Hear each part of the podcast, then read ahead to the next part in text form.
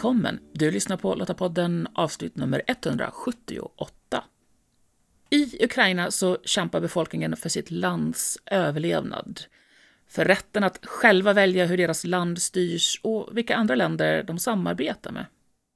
I kriget i Ukraina, precis som andra krig och konflikter, drabbas kvinnor och flickor av sexuellt våld. Det är våldtäkter, men också andra typer av sexuellt våld som påtvingade äktenskap, prostitution, sexuellt slaveri och trafficking. Eh, och det drabbar då självklart kvinnor på plats i de krigsdrabbade områdena, men även kvinnor som är på flykt, till exempel när de befinner sig i gränsområden. Svenska Lottakåren har genom kampanjen Ögat hjälp oss att se Eh, sedan 2003 verkat för att synliggöra och sätta stopp för systematiska våldtäkter som vapen i krig och konflikter. Och just nu och till slutet av 2024 så samlar vi in medel till stöd för kvinnor som drabbats av kriget i Ukraina. Och mottagare av insamlingen det är organisationen Women's Perspective. I det här avsnittet så får du hänga med på ett samtal om hur livet är för kvinnorna i Ukraina efter år av krig.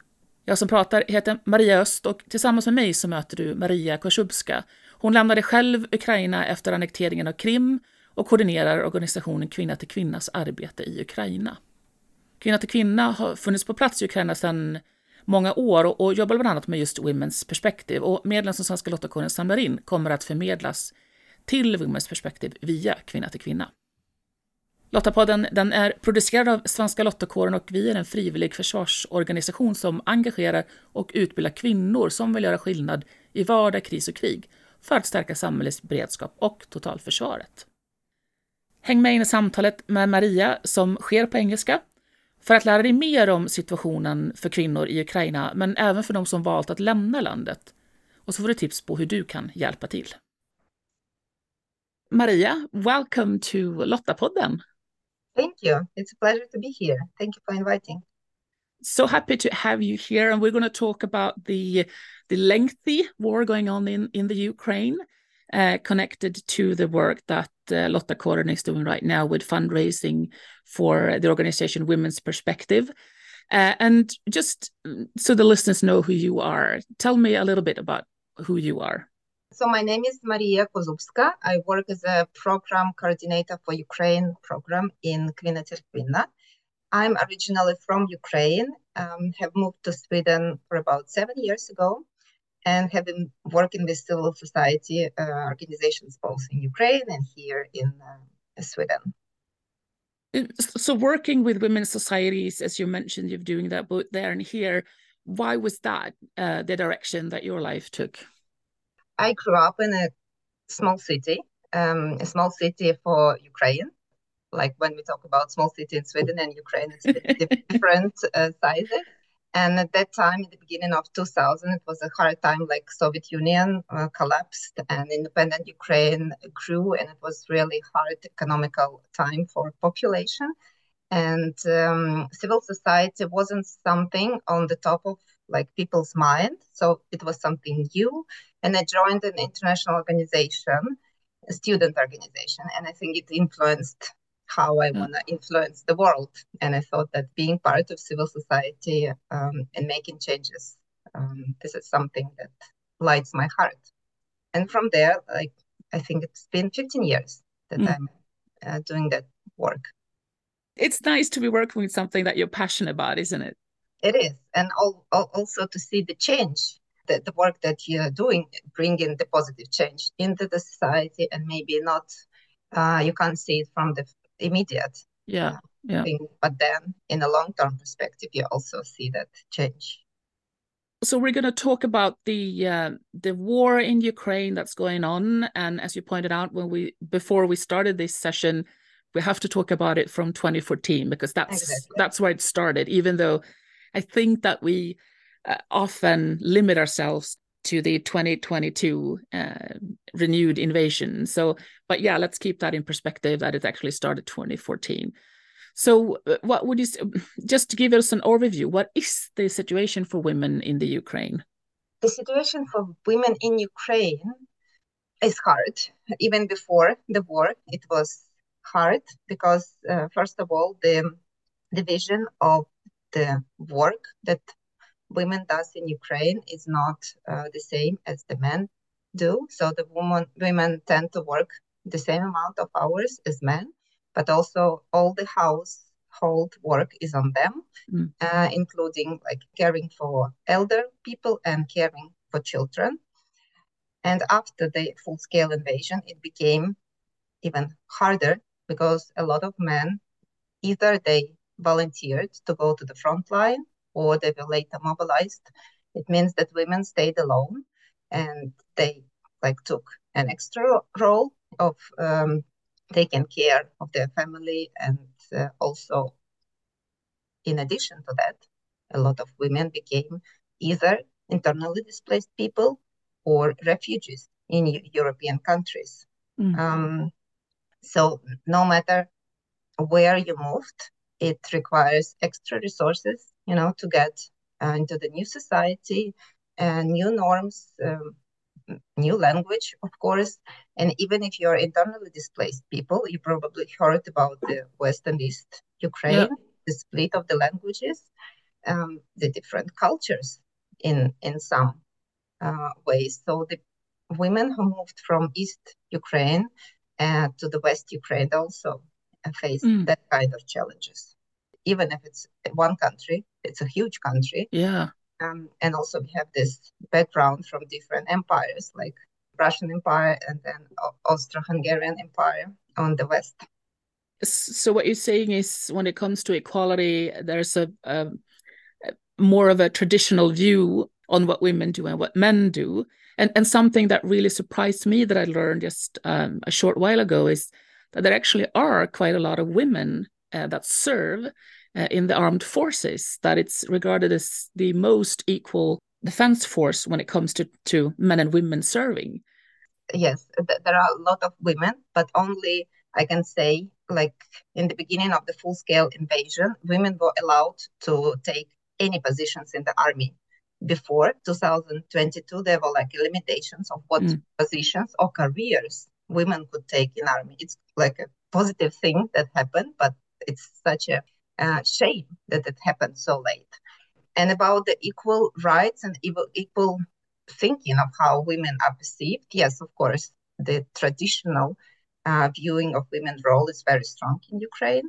And uh, for example, the recent research showed that the pay gap between women and men is about 27% in mm. Ukraine, uh, occupying the same like position, doing the same job, and still women receive like 27% less. Um, when it comes to, to the women in um, power or women in politics, the quota was introduced for the MPs, and it was about like 32% of MPs uh, should be uh, women. Now it's only 21. Huh. Um, so even there, with quotas, it's still not fulfilled. Yeah, as you mentioned, for the defense forces, a lot of women volunteered or joined armies and uh, they both serve as uh, in like medical um, careers, uh, but also like actually fighting. And we also know that women and children are the ones that are most affected when it comes to wartime. Um, so how's how is that been visible in the Ukraine during these years? You mean war crimes, uh, the conflict related to sexual violence? It's been like in the both international community and uh, Ukrainian government reacted very quickly when April in April 2022 we got pictures like of Bucha and um, European occupation and what happened there. And so the inter- both international community, Ukrainian government, they provided the services for the survivors conflict-related sexual violence, but at the same time it created a big pressure both on the survivors and those who are around them and the organizations civil society organizations who um, work with this issue uh, because a lot of money were sent for this kind of work. It means a lot of um, organizations, obviously, who haven't worked with that before, uh, took the initiative. It means um, like maybe the level quality of services was not that high. Uh, but also it created a tension and pressure like to find actually those survivors and people um, like there is a big stigma about this kind of crimes so people tend not to go and tell about this uh, things that happen to them. And about the confidentiality on all stages, it, it, it wasn't, you know, communicated very well. And I would say, for example, recently we, we did an exchange with the um, organizations from Bosnia and Herzegovina, where war ended 30 years ago. And what they say is that now they have women who came to them like and all those years they didn't want to talk about this yeah. but now they want to bring perpetrators uh, for the response so it could be the same situation in ukraine and for example as our partner organization described at that time like summer 2022 it was like a safari uh, to find the survivors of conflict related sexual violence mm. unfortunately unfortunately that uh, took took place the consequences of that kind of crimes we would see later after the victory of Ukraine. And you talked about the women who are displaced within the country. But what about the women like yourself who've actually made the hard and difficult decision to actually leave the country? Mm. What's what's the situation like for you? Like I left the country um, because I wanted, but for many uh, women who ran the war, it wasn't uh, the wish. It was like a matter of survival and some of them when they like crossed the border they didn't even know where they go um, they just loaded on the buses and the buses uh, drove many many hours and then they the doors opened and they're they're in luxembourg.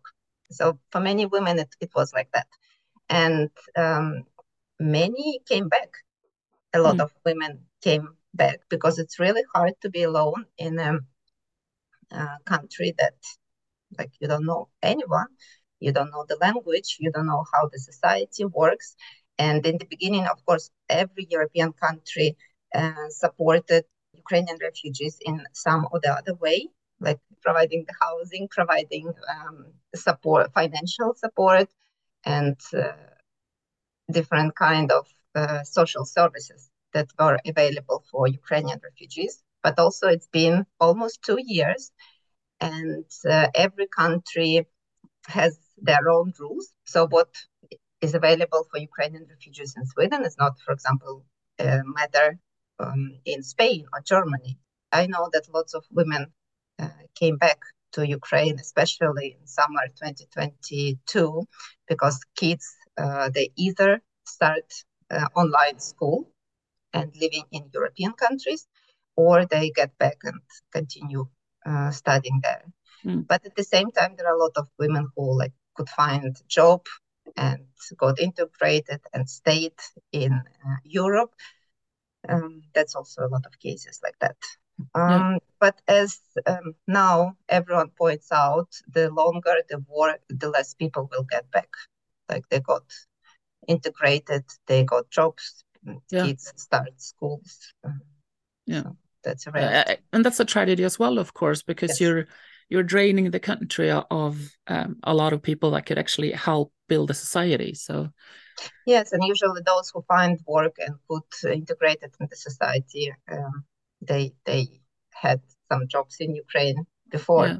right uh, so yeah. we're like losing uh, the best and as you mentioned there's a strong civil society development within the Ukraine and a lot of organizations working to better the country. And, and Kvinna till Kvinna is one of the organizations that are there supporting different projects connected to women. So, what are Kvinna till Kvinna doing in the Ukraine? We support women, uh, women civil society organizations. So those organizations uh, that are led by women uh, that is our focus. And uh, currently, we support organizations in different geographic uh, regions. So we have um, partner organizations working um, in Kiev. We have those who work on the east um, part of Ukraine, where the front line now. We have the south and uh, west part, part of the country. And we also try to focus um, different aspects of women's challenges that women have now in Ukraine. And we have organizations, for example, that support um, people with disabilities and women with disabilities and their rights. Uh, we have a feminist um, lesbian organization that works with LGBT uh, QI community in um, Kharkiv, that is 40 kilometers um, from border with Russia. But at the same time, this is a like city that has one and a half million population, even now during the war. We have also LGBTQI organization on the south um, in Kherson that was occupied uh, for four months uh, by Russian, but now it's shelled like every day, several times a day, even if it's like part of uh, uh, Ukraine. We have also organizations who work on the West with um, gender-based violence and, of course, um, IDPs and their integration into the society and empowering uh, economical um, women so they have uh, possibilities to support themselves and support the family. And Kvinna till Kvinna has been there for a long time, but has has there been any change in focus after the full-scale invasion? Kvinna till Kvinna started their work in Ukraine uh, 2015, right exactly after the occupation of uh, Crimea and the war on the in Donetsk and Lugansk regions. And I would say yes, uh, the focus has been changed because when the full-scale invasion started, the women's civil society organizations started doing a lot of humanitarian support, which they haven't been doing before, opening a lot of shelters. Like, for example, before the war, they had one shelter. After the invasion, they ended up with six shelters. So the focus changed because before we could talk about the resolution 1325, working more strategically on the advocacy level. Uh, meanwhile, after the war started, the focus changed to survival, uh, to the basic needs. Now, one and a half year later, we could say that organizations starting thinking strategically, looking like long-term perspective, but still it's very hard when you have ongoing war in in the country. So I would say yes, the focus lies more on um, like survival needs. I would mm. say and the work that Lottakåren is doing right now to raise funds for the organization Women's Perspective. What can you tell about their work? Well, um, Women's Perspective is one of the oldest women-led um, organization in Ukraine. They were founded in 1998 in Lviv, and they, since then their focus um, lied with gender-based violence. Um, they supported the survivors of gender-based violence both by providing uh, shelter and um, like supporting the survivors in the court by providing legal support. And uh, they also do a strong advocacy on implementing the Istanbul Convention. Um, and Istanbul Convention was ratified by uh, Ukraine June 2022. And now it's like a big task for Ukraine to actually start implementing um, Istanbul Convention, and once implemented, it will provide like a, a support for survivors of gender-based violence. It's amazing to be able to quickly, you know, change focus and do something like that. And I guess just because the organizations were there before, they they they had a network, they had the possibilities to do that switch. Yes, yes, that plays crucial role because local civil society organization. They know the community. They know, like I could say, play rules because it mm. depends on in what region you are. Um, they know how to approach maybe local government, um, with whom to cooperate, who is more responsive to this kind of issues, because um, gender-based violence, especially domestic violence, is a strong taboo in um, Ukrainian society uh, a lot of women could be said like it's your internal problem deal mm. with it on your own um, or now also the domestic violence uh, rises for example because veterans um, got back home uh, they are not provided with um, support they mm. need actually like the programs for example psychological uh, programs don't have um, anything on domestic violence. Mm. Uh, but also, obviously, Ukrainian society has a, a strong trust into military, mm. and this is also like plays um, dual uh, role because the veteran, who is at the same time could be perpetrator there is a thin line to walk. Of course, there's always there's always two sides to it, isn't yes. it? So it, it's very clear that, of course, the population of Ukraine, but especially women, do need support and help. And what would you say are the most important things that other countries or us as individuals can do to help? Well, I would say the first is not losing the focus. The war is still there, and now the winter is coming. And uh, last winter, uh, Russia tried to destroy all the infrastructure objects, especially the one that uh, support heating and electricity in the big cities. So that's a big anticipation that they would try to do the same. Of course, uh, Ukraine got a defensive weapon to get away those rockets and um, drones that they sent. But still, for people who are there, it's um, a lot of um, fear and uh, a lot of sleepless nights mm. because mm. obviously for psychological pressure they are doing it at night so p- people don't sleep mm. so like the focus on the war in ukraine uh, and trying to i think now both fundraising because we hear from many many many actors that the funding next year will be decreased. And what I mean funding, I mean, for example, humanitarian support that the EU provides uh, to Ukraine and most like strategic support uh, that is provided to Ukraine. Very important point there. We cannot lose focus. It's it's still ongoing, um, and uh, and you, as I, I, think you you always say uh, from the Ukrainian perspective, is that you're fighting the war for all of the the West, really, for, when it comes to fighting for democracy and and the uh, perspective of, of being able to decide oneself what kind of uh, rule we want to have in our countries. Yeah. Yes, fighting for values that um, yeah European Union um, declares, and this, like I think it was a week ago, that European Union, um, European Commission advised open the negotiation about the accession process for Ukraine. So this is a big step in the relationship between mm. Ukraine and European Union. And and as you mentioned, you're from the Ukraine yourself. Uh, you left way before 2022, but can you share a little bit about your decision making? Uh, what happened, and and mm. how did you mm. decide to leave? For me personally, the war started 2014. I was born and raised in the south part of Ukraine, uh, which is uh, called Crimea and that part of Ukraine was um, annexed, uh, first occupied, and then um, annexed by Russian uh, Federation in March 2014. Uh, by that time, I didn't live there. I lived in Kiev already, uh, but all my family, my friends, uh, my partner's family lived in Crimea and still live in Crimea.